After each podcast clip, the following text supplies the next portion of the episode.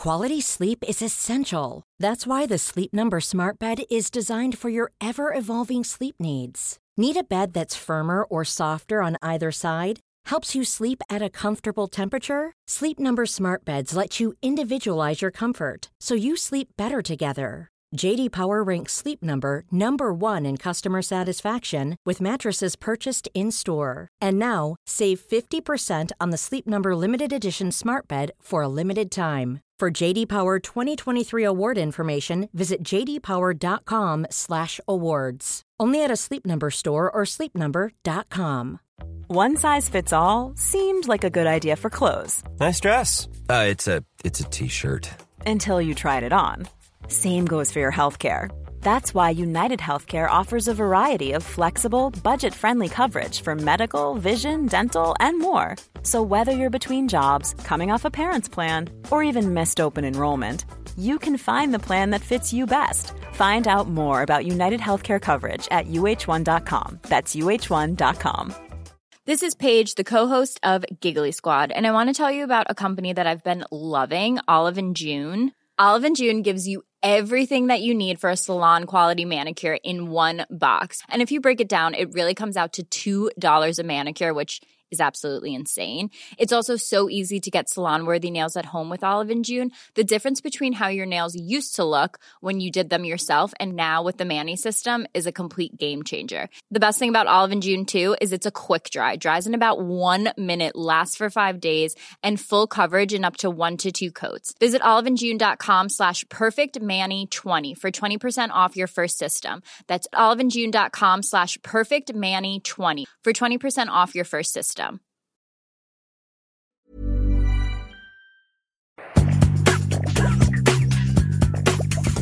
I mai 2020 får jeg en mail fra Ingrid Marie Brun som skal lage en podkast om psykisk helse for Gjensidige.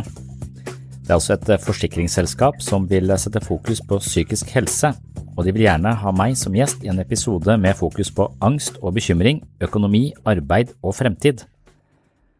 Det var litt artig eller pussig at et forsikringsselskap ville lage en podkast om bekymringstanker. Jeg var usikker på om de hadde noen skjulte insentiver i dette, men forsto raskt at Ingrid Marie Brun var en selvstendig og pålitelig aktør med stor interesse for folkehelse og folkeopplysning. Vi skulle ha en åpen dialog om bekymring, og vi skulle ikke formidle at det er lurt å bekymre seg mye, slik at man ville oppleve et stadig større behov for dyre forsikringer. Verken jeg eller Ingrid Marie ble kjøpt og betalt, og jeg fikk ingen føringer for hva jeg skulle si om angst og bekymring.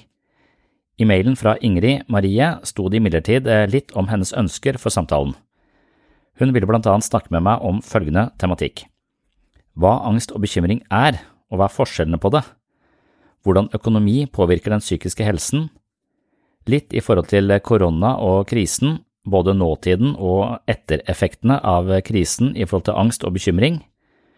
Hvordan man kan hjelpe seg selv og andre som opplever angst og bekymring i større eller mindre grad.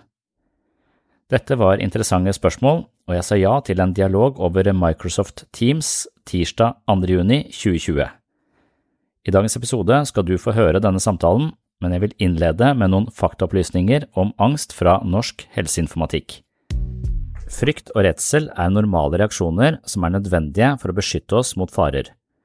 Dersom man er svært redd for situasjoner som ikke er farlige, og dette går ut over livskvalitet og daglig fungering, kalles det en angstlidelse. Angstanfall eller panikkanfall er intens frykt som kommer raskt, gjerne med en rekke fysiske symptomer som hjertebank, svetting, skjelving, svimmelhet og følelsen av å bli kvalt. Angstsymptomer er helt ufarlige, men svært ubehagelige.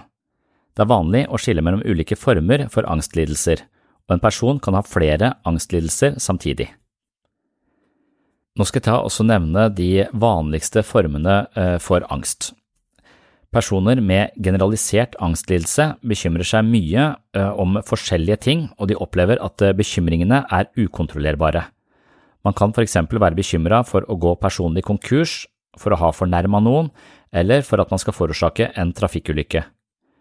Når den ene bekymringen går over, kommer det en ny, og man kan få søvnvansker og bli anspent av å stadig være urolig og bekymret. En annen variant er panikklidelse, som karakteriseres av plutselige panikkanfall uten spesiell grunn og angst for disse anfallene. Det er ikke uvanlig å tro at man har blitt alvorlig fysisk syk, at man holder på å dø, eller at man blir gal under et panikkanfall. I motsetning til fobiene, som er mer sånn spesifikke, er ikke angstanfallene knytta til spesielle situasjoner eller ting.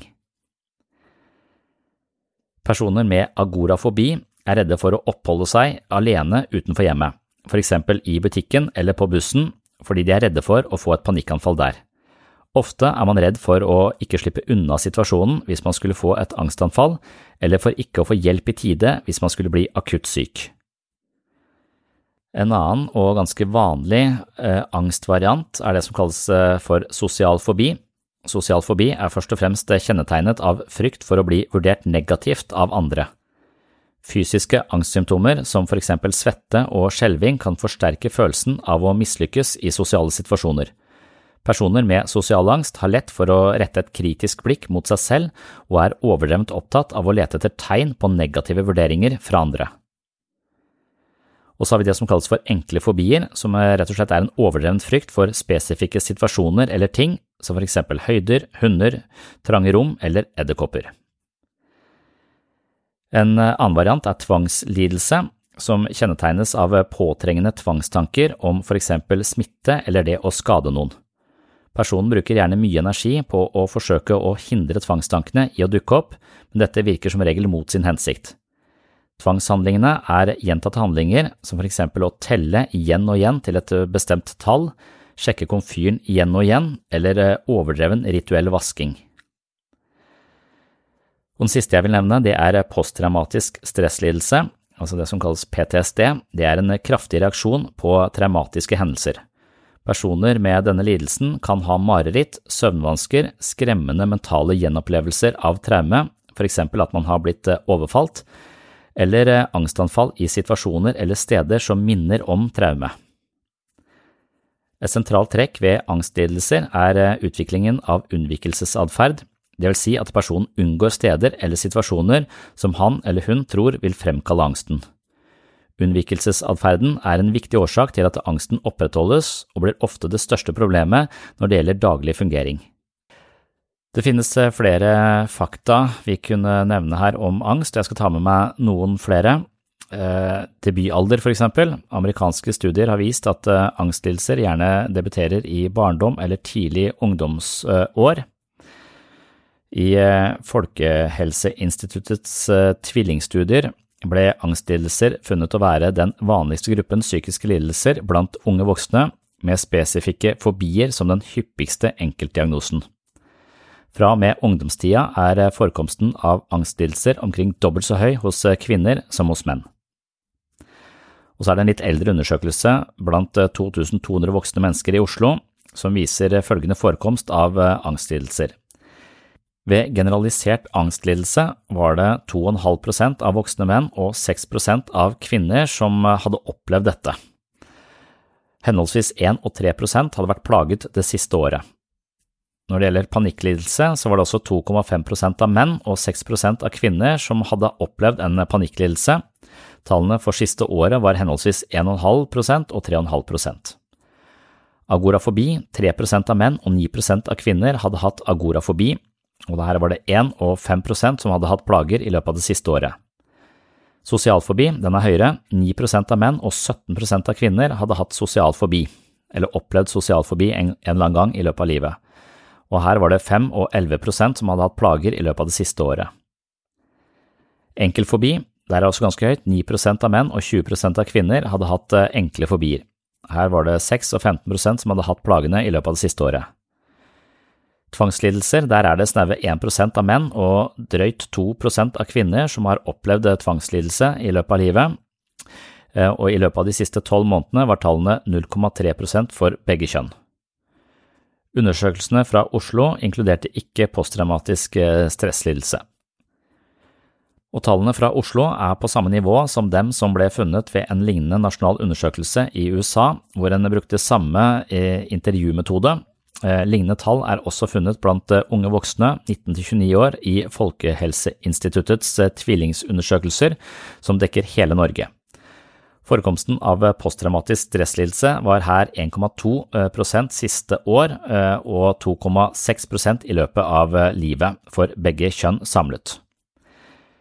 De virkelige tallene er trolig noe høyere enn disse studiene tilsier, fordi de som har mest plager, i mindre grad deltar i slike intervjuundersøkelser. På den annen side er forekomsten av angst gjerne høyere i Oslo enn andre steder i landet, og høyere blant unge voksne enn blant eldre voksne. Angstlidelser er også en vanlig årsak til kontakt med lege. For eksempel har 5,4 eh, av kvinner i alderen 18 til 79 år hatt en konsultasjon siste fem år hos eh, fastlege eller legevakt for slike plager, mot 3,4% av menn. Et betydelig antall personer av begge kjønn er også i dag- eller døgnbehandling for angstlidelser. Og så er jo det store spørsmålet hvordan behandles eh, angst? finnes det egentlig gode behandlingsmetoder for angstlidelser, og svaret på det er vel ja. Og planlagt eh, eksponering for det man frykter er kanskje det mest effektive og mest eh, kjente i en del eh, tilfeller. Selv om det er ubehagelig å eksponeres, så er det altså virkningsfullt på litt lengre sikt. Ved eksponering for fryktede situasjoner for eksempel eh, å besøke venner, kjenne på høy puls når man trener, eller lese nyheter som kan gi bekymring, får man erfare at de ikke er farlige, og de fysiske angstsymptomene vil etter hvert roe seg. I tillegg får man erfare at angstsymptomene i seg selv ikke er farlige. Angst for angsten er ofte med på å forsterke unngåelsesatferd, og målet med angstbehandling er heller å bli mindre redd for angsten enn å bli kvitt eh, all angst. Når man ikke lenger er redd for angsten, kan man oppsøke situasjoner selv om man risikerer å få angstsymptomer, og dermed får ikke angsten styre livet lenger. Noen legemidler har også god effekt når det gjelder å dempe angstsymptomer. Dette gjelder særlig såkalte selektive serotoninopptakshemmere, SSRI, og selektive serotonin- og adrenalinreopptakshemmere, SNRI. Legemidler er forholdsvis billige og en type billig behandlingsform, men eh, ofte ikke anbefalt som førstevalg for angstlidelser. Faren for tilbakefall er stor etter at man slutter med medisiner, og det finnes dessverre få studier av langtidseffekten av medikamentell angstbehandling. Noen studier tyder på at eh, de som bruker legemidler mot angst i tillegg til eksponeringsterapi, har redusert langtidseffekt av eksponeringsterapien. Så, sånn sett så kommer ikke medisiner så veldig godt ut av dette dette sykdomskomplekset her sånn. Og når det gjelder angstbehandling og eksponeringsterapi, så er jo jeg en terapeut som ikke driver med det, og aldri drevet med det. Jeg forstår eh, metodikken, eh, og jeg forstår eh, at dette er metoder som ofte har veldig gode resultater, men jeg tror også det er best egnet for spesifikke typer av angst, og kanskje de litt enklere angstformene. Selv så har jeg jo mange mennesker som sliter med angst. Senest i dag så satt jeg med en, eh, en kar som eh, Svært oppegående, fin, fin fyr, som har en type generalisert angst, altså redd for alt, bekymrer seg for alt. Og man kan tenke at han har da generalisert angstlidelse, og at man da er det litt hvor skal du begynne å eksponere deg da, hvis du er redd for omtrent alt? Men der tror jeg det er andre ting som ligger eh, i bunn av uh, dette sykdomsbildet, eller denne lidelsestrykket. Jeg ser ikke på dette som en sykdom, jeg ser mer på det som en, uh, et følelsesliv som skyter i litt feil retninger. Og i hans tilfelle så er det ganske forståelig. Så i dette tilfellet jeg tenker på, så tror jeg nok uh, i mye større grad at det handler om en type relasjonsskade hvor han har opplevd mye drit, få mennesker som har tatt vare på han når han var barn og opp igjennom. Så han er en eh, person som eh, har lært seg å være selvforsynt og holder andre mennesker på en armlengdes avstand.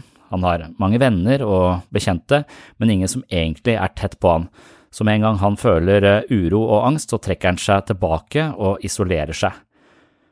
Og med denne strategien her sånn, så mener han at folk ikke vil tåle han hvis han, de så hvor sjuk han var, altså at han orker ikke å dra andre mennesker ned i det mørke hølet Eh, som han opplever når han får eh, voldsomme angst, angstanfall. Og jeg tenker at det er nettopp denne strategien han har eh, med å trekke seg unna, og denne manglende evne til å skape nære, gode forbindelser som du kan hvile i, som er en del av hovedproblemet hans. Så jeg bare, hvis jeg setter meg selv i hans situasjon og tenker at livet mitt er fullt av små og store problemer, og hvis jeg skulle løst alle de på egen hånd, og at alle problemer som oppstår på min vei, hviler på mine skuldre, så hadde jeg også ført en uh, voldsom øh, frykt for livet, kan man si, eller en slags overbelastning så jeg er jo veldig glad og uhyre takknemlig for at jeg har mennesker rundt meg som jeg kan eh, snakke med, og som eh, kan eh, være med og fordele bekymringstrykket litt. Altså at jeg er ikke solo i livet, jeg er på et lag. Jeg har venner, jeg har mine nærmeste, og de vil av og til kunne hjelpe meg å løse de utfordringene som kastes i min retning. Og den følelsen av å ikke være totalt alene eh, i verden, den tror jeg hjelper meg å ikke ha noen sånn hverdagslige angstsymptomer. Men hvis jeg tenkte at eh, den eneste jeg dypest sett kan stole på er meg sjøl, og ikke hadde gode og nære relasjoner som jeg kunne bidra inn i, og som bidro tilbake til meg, så, så tror jeg også at jeg hadde slitt med en type generalisert eh, angst og uro i møte med livet. Og da tror jeg vi er nede på noe mer eksistensielle eh, begrunnelser for den typen angst vi har, denne følelsen av en slags fundamental ensomhet eh, eh, i møte med livets strabaser. Det, det, tror jeg kanskje ligger i bånn av en del angstsymptomer, men på overflaten så kan det virke som om man er typisk redd for å kjøre bil, eller at det får mer sånne konkrete former. Men grunnleggende sett så kan det også handle om at man har et relasjonsmønster som gjør at man dypest sett ikke har noen stabile, fortrolige støttespillere, eh, og det tror jeg er ganske angstprovoserende. Så jeg tror det er mange varianter av, eh, av angst, eh, og jeg tror det er, noen er litt enklere enn andre, og så tror jeg man må finne det nivået man skal legge seg på når det gjelder behandling. Så det å behandle den personen som egentlig er ganske ensom i livet, selv om han tilsynelatende har mange venner, og drive og eksponere han for ulike situasjoner hvor han føler panikk og uro, det tror jeg er litt som å luke uten å ta med, ta med rota. Så noen ganger så tror jeg at eh, eksponeringsterapi fungerer helt utmerket, og andre ganger så tror jeg kanskje det er å pirke i overflaten. Men det er jo min, eh, min forståelse av dette som er litt begrensa, i og med at jeg ikke er noen angstterapeut. Det var eh, det jeg ville si eh, innledningsvis. Nå kommer en lengre samtale om angst tillit som et sentralt element. Han sier at hvis vennene våre var lettere å stole på, eller til å stole på, så hadde vi ikke trengt psykologen eller psykiateren. Og kanskje han er inne på noe. Problemet her tror jeg er at kanskje det er det mange mennesker som er til å stole på, men hvis vi har en erfaring på at vi har vært sårbare, vist oss sårbare, og da blitt tråkka på og avvist, så har vi kanskje et slags mønster som sier at det skal jeg aldri utsette meg for igjen og dermed så blir man øh, lukker man seg inne istedenfor å åpne seg opp når man opplever et slags emosjonelt trykk eller en eller annen psykisk forstyrrelse eller, eller, plage. Og det tror jeg er ganske vanlig, i alle fall blant de menneskene jeg møter her på psykiatrisk poliklinikk, at de vil trekke seg unna, trekke seg tilbake, isolere seg når de føler på emosjonelle plager eller et eller annet psykisk trykk så er det ikke naturlig for de å åpne seg og snakke med noen om det, fordi de har erfaring på at det ikke blir tatt imot og i verste fall utnytta. Så da mangler man den tilliten som skal til for å våge å være åpen om dette, og da blir man eh, lukket inne med disse tingene, og det tror jeg kan lage sånn type trykk som kan gi seg utslag i både angst eh, og depresjon på, på lengre sikt. Ever catch yourself eating the same flavorless dinner three days in a row? Dreaming of something better? Well, HelloFresh is your guilt-free dream come true, baby. It's me, Kiki Palmer. Let's wake up those taste buds with hot, juicy pecan-crusted chicken or garlic butter shrimp scampi. Mm. Hello Fresh. Stop dreaming of all the delicious possibilities and dig in at HelloFresh.com. Let's get this dinner party started. Cool fact a crocodile can't stick out its tongue. Also, you can get health insurance for a month or just under a year in some states. United Healthcare short term insurance plans, underwritten by Golden Rule Insurance Company, offer flexible, budget friendly coverage for you. Learn more at uh1.com. There's never been a faster or easier way to start your weight loss journey than with PlushCare. PlushCare accepts most insurance plans and gives you online access to board certified physicians who can prescribe FDA approved weight loss medications like Wigovi and Zepbound for those who qualify. Take charge of your health and speak with a board certified physician about a weight loss plan that's right for you. Get started today at plushcare.com slash weight loss. That's plushcare.com slash weight loss. Plushcare.com slash weight loss. Når det gjelder denne personen jeg snakket om eh, tidligere, som eh, jeg tror dypest sett er ganske ensom, så argumenterer han jo for at når jeg får panikk, så orker ikke jeg ha folk rundt meg. Det hjelper ikke meg å ha søsteren min eller eh, broren min eller kjæresten min eller en eller annen venn i nærheten av meg. Derfor så orker jeg ikke å ha så altfor nære forbindelser, fordi at jeg plutselig blir rammet av sånne panikkanfall, og da må jeg kunne komme meg unna og isolere meg og være for meg selv. Og jeg prøver da å overbevise ham om at eh, det er denne langsiktige strategien du må tenke på. Hvis du tenker på at du skal løse de umiddelbare panikkanfallene ved å isolere deg så det ikke blir eh, til eh, bry for andre, eller at man eventuelt viser det til andre og føler skam og utilpasshet i ettertid, så tror jeg det å trekke seg unna ikke Det er nettopp denne unnvikelsesmanøveren hvis man kjører parallellen til rusmisbruk, så kan det godt hende at, eh, at eh, den som går på heroin, vil si at eh, ditt forslag er å stoppe med heroin, men da blir jeg dritdårlig, jeg skjelver, jeg blir utilpass, og med en gang jeg får heroin, så blir det, blir det bedre. Og heroinen er jo da å trekke seg unna, men på lang sikt så er jo ikke rusmisbruk en god strategi, og jeg tror på lang sikt så vil det å klare å bygge fortrolige relasjoner til andre, tørre å være i relasjon til andre og ha en plattform hvor man ikke står alene med alle problemer og bekymringer, det tror jeg er veien å gå. Så umiddelbart så vil den veien å gå være det som byr personen imot, fordi det føles eh, som om ting bare blir verre hvis de er nødt til å forholde seg til andre mens de har alle disse utfordringene. Men på lengre sikt, hvis du klarer å etablere fortrolige, nære relasjoner, så kan det sørge for at det trykket avtar. Og En parallell er også det her jeg jobber. Jeg jobber i gruppeterapi. Altså Jeg jobber med kollegaer hele tiden. Jeg er alltid i møte med, med mine kollegaer, er med i alle mine timer med eh, andre menneskers utfordringer. Og dermed så fordeler vi også trykket. Vi blir ikke mm, latt alene med masse store og vanskelige avgjørelser det hender jo at folk vil ta livet sitt og mange sånne ting som kan stresse, stresse, oss, men så lenge vi deler det, så fordeler vi trykket litt jevnt utover, og så klarer vi å håndtere det ganske bra.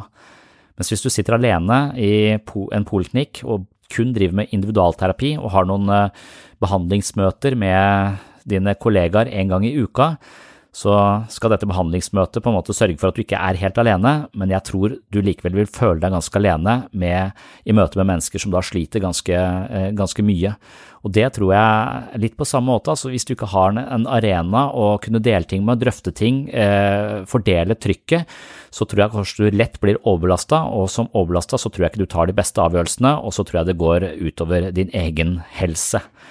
Eh, så mitt forslag er jo alltid å jobbe i team og i tette team, og da er min løsning på det i en sånn psykiatrisk sammenheng eller psykisk helsesammenheng å være gruppeterapeut, og det er jeg jo eh, særdeles eh, fornøyd med.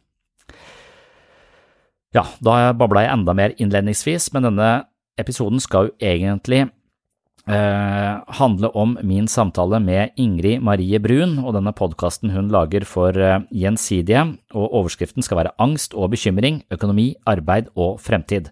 Så her får du altså samtalen min som jeg hadde med Ingrid Marie Brun eh, 2. juni 2020.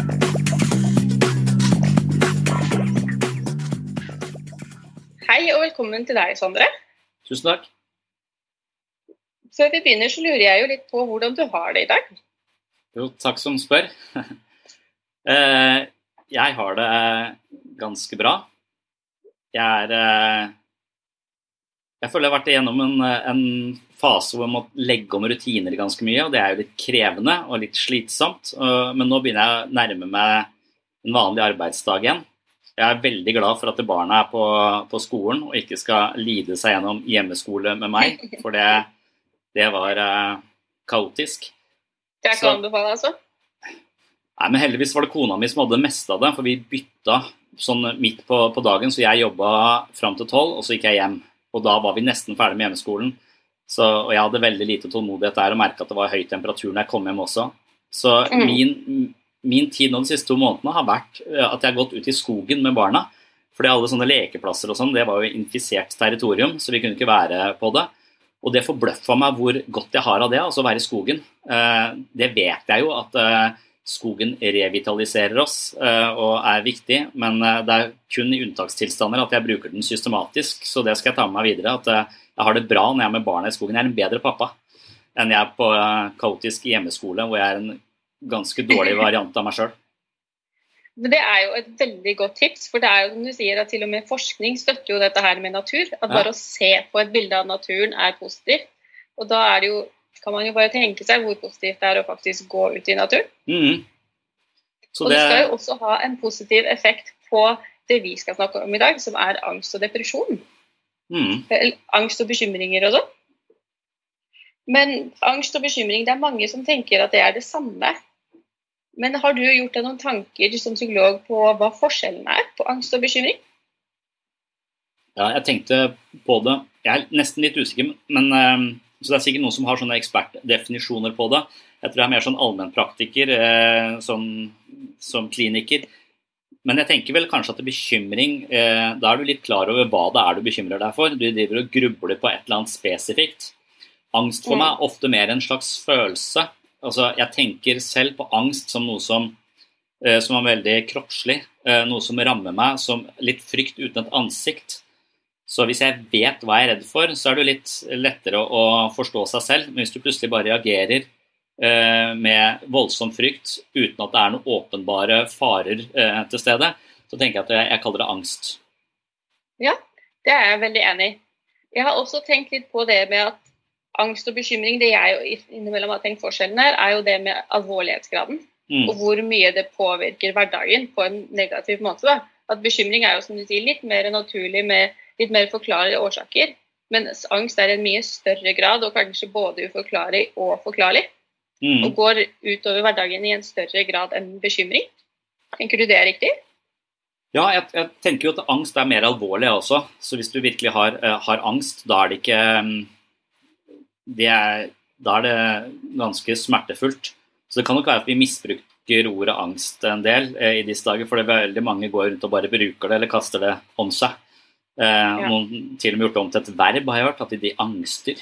angster. noe som også er en wow. Eh, som jeg ikke Men, eh, men bekymring er kanskje noe, noe annet. Også, eller en litt mildere variant, men det kan jo bli ganske destruktivt, det også. Eh, mm. For det handler jo litt om er bekymringen konstruktiv? Er det grunn til å tenke og forberede seg på, på det som skal komme til å skje, og det verste som kan skje? Eller er det rett og slett en misbruk av tid som bare gir deg høyt blodtrykk og ødelegger livskvaliteten. Så det er vel der eh, folk går litt feil, at de bruker mye tid på å bekymre seg for ting de ikke kan kontrollere, og da vil de bare oppnå en følelse av hjelpeløshet og maktesløshet. Mens eh, det motsatte vil være å ikke bekymre seg for ting man kan kontrollere, og, og rett og slett eh, ikke være kaptein på egen skute og, og, slett, ja, og være litt offer for omstendighetene, og ikke egentlig ta innover seg at dette, dette, her kan jeg egentlig ta kontroll på. Dette her kan jeg styre i en bestemt retning hvis jeg vil. Uh, mm. Det er jo også viktig. Så det er flere fallgruver her, tror jeg. Absolutt. Og en av de fallgruvene jeg tror her, er nettopp det med at man ikke er klar over det. Hvis man ikke er bevisst på at man har angst, og de tankene og følelsene man kjenner på, er angst, mm. og at man tror det mer er seg selv. Det kan by på mange utfordringer. Ja, Hva tenker du da at du ikke er angsten, eller? Ja, tror ikke jeg er bevisst nok på at disse følelsene og disse tankene du har, det er en av disse negative angst. Ta ja. f.eks. jeg som har sosial angst. Ja. Jeg merker det mye bedre at, og jeg klarer å, mer, å gjøre noe med det når jeg merker at ok, det at jeg er redd for de folkene der, det er ikke meg, det er sosialangsten. Ja, Så du fremmedgjør det på en måte? At det, det er noe Ja. Mm. Men jeg ikke, jeg ville tenke i sosial angst-tilfelle, så tenker jeg på meg selv eh, da, så jeg, da er en sånn type egofilosofi rundt det. At jeg, jeg, tenker at jeg har et slags sånn forfengelig ego som er veldig opptatt av å bli likt eller prestere eller være smart nok eller interessant nok eller ikke kaste bort andre menneskers tid eller et eller annet sånt noe. Så at, eh, så at jeg går inn i en situasjon uh, hvor jeg har en sånn bestemt agenda om å vinne den situasjonen på en måte. Eller få de andre til å like meg. Og, og, det gjør at jeg får en sånn type prestasjonsangst uh, over det. Så min, mitt tips mot sosialangst, eller skal, mitt tips, det jeg selv har gjort, er at jeg, jeg, har ikke noe stor grad av sosialangst, men jeg har bare følt av og til at jeg har sagt ja til innbydelser til fester eller et eller annet, og så har jeg bare sagt åh, hvorfor gjorde jeg det? Jeg har ikke lyst i det hele tatt, jeg gruer meg, jeg vil ikke. Men da er det ofte fordi at jeg tenker at er, disse menneskene kjenner jeg ikke helt, jeg må prestere, jeg må vise at jeg er sånn, jeg vil gi det et bestemt inntrykk av meg. Og da er jeg egentlig veldig selvsentrert og veldig lite opptatt av andre mennesker. Og da kommer jeg ofte dårlig ut av det, så jeg har ofte tenkt at jeg ikke skal bevise noe som helst, ikke har noen agenda, men bare skal se om det er noen der som kan lære meg noe, eller som jeg kan bli kjent med. Så det har vært eh, Ja, jeg tenker det på som min egen eh, litt sånn utrygghet på meg selv, da, eh, som er sosialangsten, på en måte. Ja, det er et veldig interessant punkt det du sier der det du også snakker om med at handler, du føler at det handler om at du vil bli likt, ja. er interessant. fordi for Jeg har hørt at angst er en naturlig respons som vi har fra kall det steinaldertiden. da, Hvor vi måtte være redd for ting, og hvor det å være i en flokk og bli likt av flokken er superviktig. Og at angsten er en naturlig, men overdreven respons av dette fra den tiden. da. Mm. For nettopp Så det, det samsvarer jo med det du sier. Ja, absolutt. Det å være delaktig i, eh, i, flokken og ha sin plass i flokken, det er avgjørende for vår overlevelse. Og Dermed så var jo også det strengeste straffen man fikk kanskje før i tiden, det var jo eksil eller bannlysning. Som en slags utestengelse fra Det er omtrent det samme som dødsstraff eh, i tidligere eh, tider. Mens eh, dette har jo endret seg litt, da, eh, sånn sett. Eh, eller husarrest når man er barn. Ja. Mm. Ja, nettopp. Ja. Men det er jo mange, kanskje, jeg tror ikke mange er i husarrest, men mange opplever jo nå i denne krisen en del isolasjon. Som kanskje kan påvirke grad av angst og bekymring hos veldig mange. For du sier jo, som du sier, mange bruker jo angst uten å kanskje helt være klar over hva det er. Og angster, som du selv eh, forklarte. Men i dag er det jo også forskning og undersøkelser viser jo at flere opplever angst, og det er en høyere henvendelser angående angst og bekymringer. Mm. Ja, kan det rett og slett være at de misforstår hva angst er? At de ikke eh, helt har, eh, har, skjønt det? Jeg vet ikke om det, det stemmer helt, men han, Ole Jakob Madsen eh, har jo vært en sånn kritisk stemme til måten vi bruker eh, språket på og bruker diagnosene sånn hverdagslig. Som om vi lager merkelapper som vi rett og slett eh, risikerer å bli da, ved å ha så mye, mye fokus uh, på det, så kan det jo være at vi rett og slett misforstår uh, hva angst er for noe. jeg, meg, jeg, prøvde en gang å se hvor lenge jeg klarte å sitte inne uh, i leiligheten min når jeg studerte. For det var jo sommerferie og folk dro hjem, så jeg hadde liksom ikke noe, tenkte jeg nå skal jeg se hvor lenge jeg klarer å være her inne uten å gå ut. Og så kjøpte jeg en masse mat. så jeg hadde og så, så, klarte jeg kanskje en ukes tid, eller jeg husker jeg klarte ganske lenge, sånn seks-syv dager, men da jeg da kom ut på butikken, så var jeg jo nervøs uh, for uh, all denne ståheien som jeg var litt sånn det var rett og slett bare dårlig sosialt trent. Jeg hadde bare sittet inne med meg selv og bøker, på en måte, og så hadde jeg ikke vært, uh, vært ute. Så jeg tenker også at hver gang vi gjør noe nytt, hver gang vi utvikler oss, så er det også forbundet med en viss uro og, og frykt. Altså Det å gjøre det samme hele tiden, det er det tryggeste. Men det å gjøre noe nytt, det er også forbundet med en viss uro, og den uroen eh, Hvis vi kaller det en angst, så kan det være at vi hele tiden unngår å, å utvikle oss fordi vi tror at eh, den følelsen vi får når vi utvikler oss, er psykisk lidelse, og ikke rett og slett en følelse som ledsager vekst og forandring. Så, så, så vi må jo passe på at vi vet hva som er eh, patologisk frykt for noe, og hva som egentlig bare er at vi har satt oss i en litt uvant situasjon, som dermed er litt spennende og utfordrende, og kanskje føles helt likt som angst, da, eller at det kommer fra samme, samme kilden. Så at man må differensiere ganske mye i dette området her. Dette var en av de korte bonusepisodene her på Sinnsyn. Målet mitt her er å servere noen tanker og lettbeinte poeng som du kan ta med deg inn i de neste dagene, gjerne i påvente av en ny fullverdig episode som kommer ut på mandag. Det du hørte her i dag er hentet som et lite utdrag fra mitt mentale treningsstudio. På Sinnsyns mentale treningsstudio finner du hundrevis av eksklusive episoder, videoforedrag, kurs og mentale øvelser fra sinnssyn. Som medlem på mitt mentale treningsstudio inviterer jeg deg på en reise langt inn i sjelslivets ubevisste avkroker. Gjennom trening kan vi styrke kroppen, men det finnes også mentale treningsformer som styrker psyken.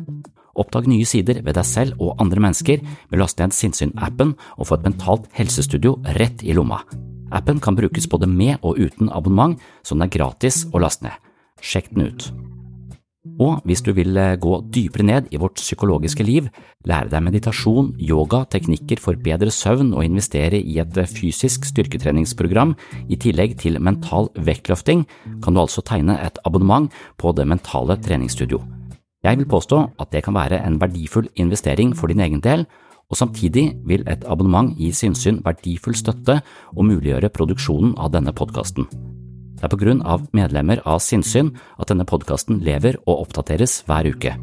Tusen hjertelig takk til dere som allerede er medlemmer. Det er lyttere som dere som holder hjulene i gang her på Sinnsyn.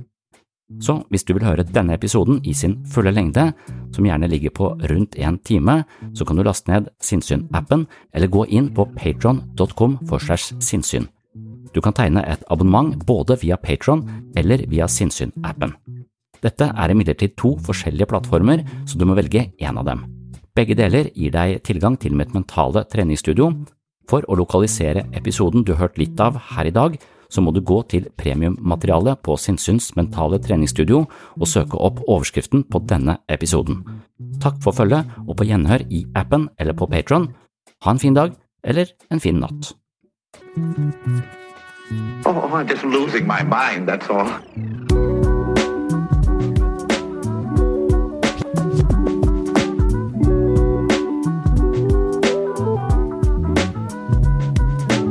I can discuss some of the I can discuss some of the I can discuss some of the psychological aspects of the case. Psycho, psycho, psychological aspects of the case. You've got to get a hold of yourself.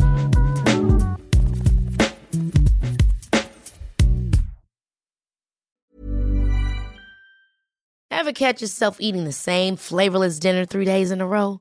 Dreaming of something better? Well, HelloFresh is your guilt-free dream come true, baby. It's me, Kiki Palmer. Let's wake up those taste buds with hot, juicy pecan crusted chicken or garlic butter shrimp scampi. Mm. Hello Fresh. Stop dreaming of all the delicious possibilities and dig in at HelloFresh.com. Let's get this dinner party started.